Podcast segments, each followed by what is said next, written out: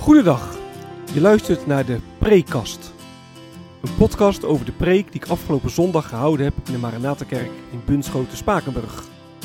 Fijn dat je luistert. Mijn naam is Gertjan van Harten. Wat kun je verwachten van deze podcast? De Preekkast bestaat uit vier onderdelen. Ik begin met een korte introductie van de tekst waarover ik gepreekt heb. Vervolgens geef ik een korte samenvatting van de preek zelf. En met korte samenvatting bedoel ik ook echt kort. Tijdens mijn opleiding heb ik geleerd dat preken schrappen is. Niet alles wat je in de voorbereiding gevonden en bedacht hebt, kan terugkomen in de preek. Wat heb ik laten liggen wat het overdenken wellicht waard is? Daar wil ik het over hebben in het derde deel van de preekkast. En tenslotte sluit de preekkast af met een aantal verwerkingsvragen. Vragen die je kunnen helpen om de preek te overdenken en of toe te passen. Ik wens je veel luisterplezier.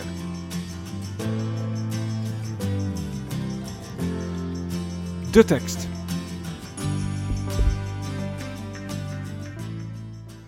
Het was de zesde zondag van de 40 dagen tijd, Palmzondag, en ik heb gepreekt over Lucas 23, vers 26 tot en met 31.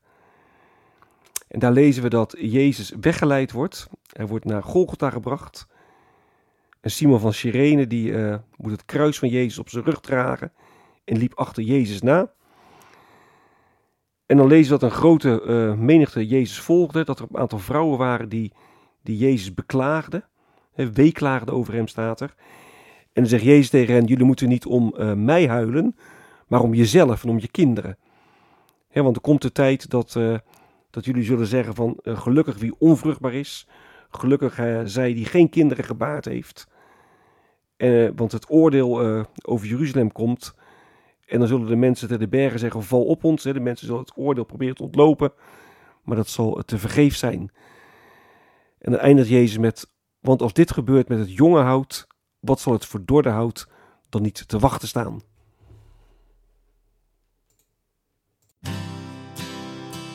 De preek.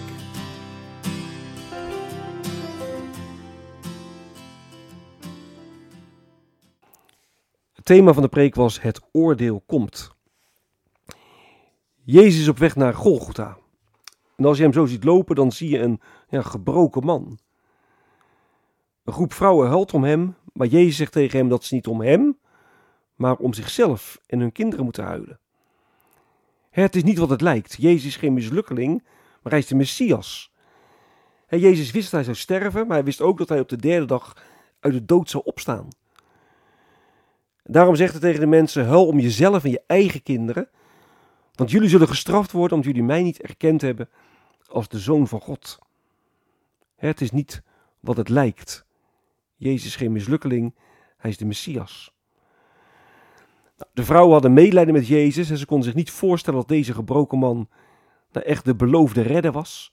Dat past niet in hun godsbeeld. ze vonden dat de Messias een, een sterke held moest zijn eh, iemand die uh, nou, de mensen zou, uh, zou helpen in het verzet tegen de Romeinen. En ik denk dat we er allemaal wel vatbaar voor zijn. Dat we toch een bepaald beeld van God maken. En dat we alleen die God willen dienen die aan onze verwachtingen voldoet. We willen dan bijvoorbeeld een God die voor ons zorgt.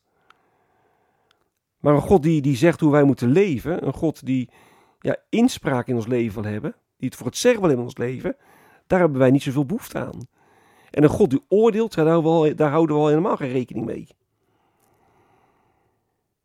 Nou, het tekstverhaal laat zien dat het oordeel toch echt komt. Hè. Je kunt wel denken dat het zal loslopen, maar God laat zich niet strafloos aan de kant zetten. Jezus spreekt de vrouwen aan met dochters van Jeruzalem. Die vrouwen die vertegenwoordigen de bevolking van Jeruzalem. En Jezus zegt, jullie moeten om jezelf huilen, om jullie kinderen. wat jullie te wachten staat, dat is nog veel erger dan ja, dan wat mij allemaal te wachten staat. Nou, 40 jaar later werd Jeruzalem verwoest door de Romeinen. En de inwoners van de, inwoners van de stad hebben toen echt vreselijk geleden. He, Josephus, een Joodse geschiedschrijver, die, die, die beschrijft de val van Jeruzalem. En die beschrijft dat er zelfs vrouwen waren die hun eigen kinderen slachten en opaten, omdat ze zoveel honger hadden. Door het beleg dat de Romeinen om de stad hadden geslagen. als God met zijn oordeel komt, dan kun je maar beter voor bergen. bergen voor op ons, heuvelen bedek ons, zullen de mensen dan roepen, zegt Jezus. Dus als God komt met zijn oordeel, berg je dan maar. Nou, en gelukkig kan dat ook. Hè. Er is een plek waar je veilig bent voor het oordeel. En die plek, dat is het kruis. Het kruis waar Jezus Christus in onze plaats het oordeel heeft ondergaan. Want aan het kruis op Golgotha, daar heeft Jezus Gods toorn echt ondergaan. Daar werd hij verpletterd door die toorn. Op een gegeven moment hing hij daar zelfs ja, vaderziel alleen. En zo werd aan het kruis door Jezus Christus het oordeel gedragen dat wij hadden moeten dragen. aan het kruis werd het oordeel op onze zonde voltrokken. Nou, het oordeel komt. Daar is Jezus je duidelijk in. God straft de zonde. En daarom worden we in de Bijbel ook altijd opgeroepen om, om goede vruchten te dragen. En dat wat anders dan dat je hart je best moet doen en ja, zelf moet proberen om Gods geboden na te leven. Dat is echt tot, ja, tot mislukken gedoemd. En daarom zit de zonde veel te diep in ons. De Bijbel laat zien dat je alleen goede vruchten kunt dragen als je aan, ja, aan Jezus Christus verbonden bent. Als je vanuit Zijn liefde leeft. Want dan gaat de Heilige Geest in je aan het werk. En dan worden je manier van denken en, en je verlangen en ja, dat wordt er allemaal veranderd. In vers 31 van de tekst vergelijkt Jezus zichzelf met, met jong hout. Jong hout, dat is groen hout, fris. Jezus, de wortel van Israël, de bron van het leven. En wie het van Jezus verwacht, die deelt in zijn overwinning op de duivel. En in dat geloof leven naar Pasen toe en gaan we ook de stille week in. we denken aan het lijden van Jezus Christus. Het oordeel komt, berg je daarom. Bij Jezus Christus, die aan het kruis ons oordeel wegdroeg. Wat is blijven liggen?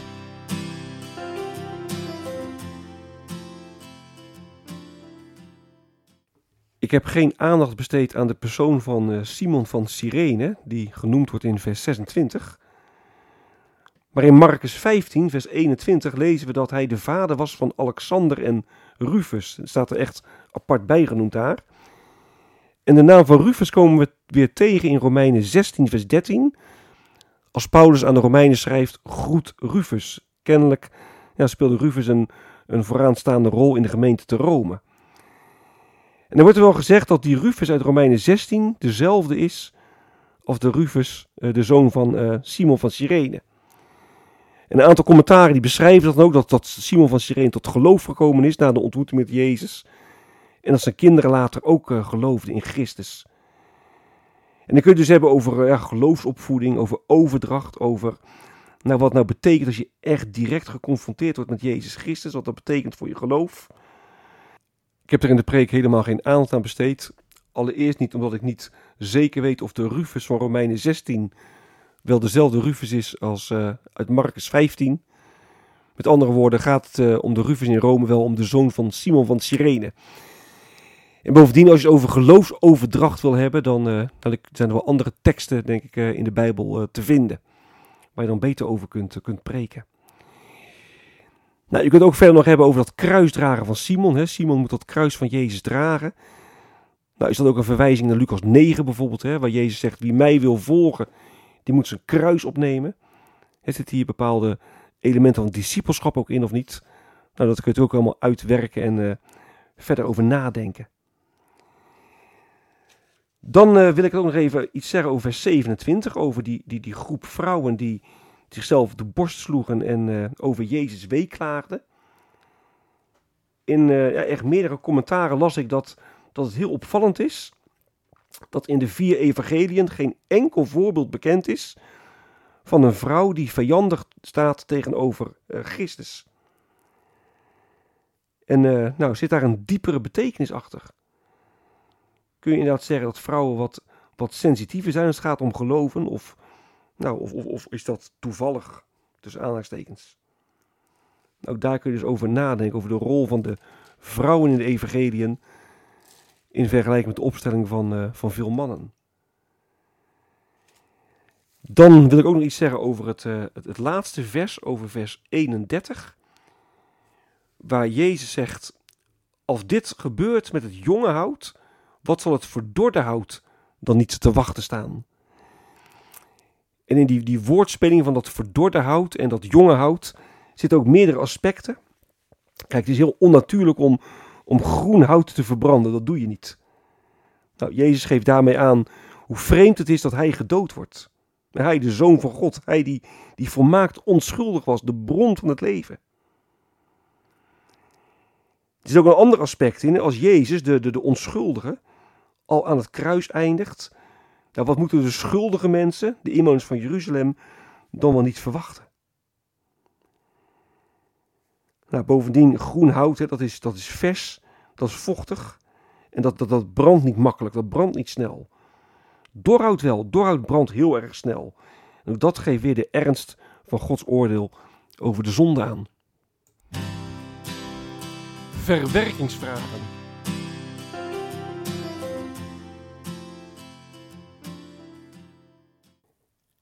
Het thema van de preek was het oordeel komt. En de, ja, de eerste vraag die dan uh, voor de hand ligt is: in hoeverre hou jij nou rekening met het feit dat God een God is die, die oordeelt? Ik heb in de preek uh, gezegd dat we opgeroepen worden om uh, goede vruchten te dragen. Johannes de Doper die zegt: iedere boom die geen goede vruchten draagt, die wordt omvergehouden en in het vuur geworpen. Met andere woorden, he, zorg ervoor dat je goede vruchten draagt. Nou, in hoeverre zijn er in jouw leven echt goede vruchten aan te wijzen? Kun je je leven ook, ook terugzien dat, dat de Heilige Geest ook, ook met je aan de slag is.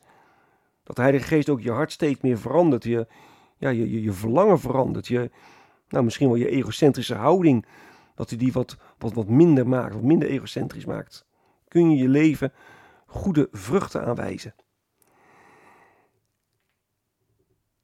Een volgende vraag is: hoe ga je nou om met gedeelten uit de Bijbel die je niet zo aanstaan? Ik heb in de preek uh, gezegd dat, dat er heel veel bij, of een aantal Bijbelgedeelten echt wel kunnen schuren. Die gewoon lastig zijn. En dan kun je als, als eerste reflectie hebben: nou, die, die Bijbelstukken sla ik maar over. Of dan lees ik maar overheen, ik blader snel verder. Maar dan ga je natuurlijk een, een beeld van God creëren. Uh, ja, wat helemaal niet conform de Bijbel is. Hè. Dan ga je God naar je eigen beeld maken. En dat, dat, dat verbiedt de Heer. Hè. Maak geen beelden van mij, tweede gebod. Maar hoe ga je nou om met gedeelten de Bijbel die niet aanstaan? Wat doe je ermee? Ik heb in de preek gezegd, als God met zijn orde komt, berg je dan maar. Natuurlijk ook hè, naar aanleiding van wat Jezus zegt van... Uh, de mensen zullen zeggen, bergen val op me. Ik heb in de preek ook gezegd, maar we kunnen ons gelukkig ook bergen, namelijk bij Jezus Christus. Je mag schuilen bij Hem. En de vraag is, in hoeverre doe je het ook echt? In hoeverre schuil jij nou echt bij Jezus Christus? En een vraag die daar natuurlijk mee samenhangt is, ja, wat versta je eronder? Schuilen bij Jezus Christus. We kunnen het in de kerk wel vaak makkelijk zeggen, schuil bij Christus. Maar wat houdt het nou concreet in? Hoe doe je dat? Dit is het einde van de prekast. Mocht je vragen of opmerkingen hebben, dan kun je me mailen op mailadres van hartengretjan.gmail.com van hartengretjan.gmail.com Ik wens je nog een hele prettige dag. Hartelijk dank voor het luisteren. En wie weet tot een volgende keer.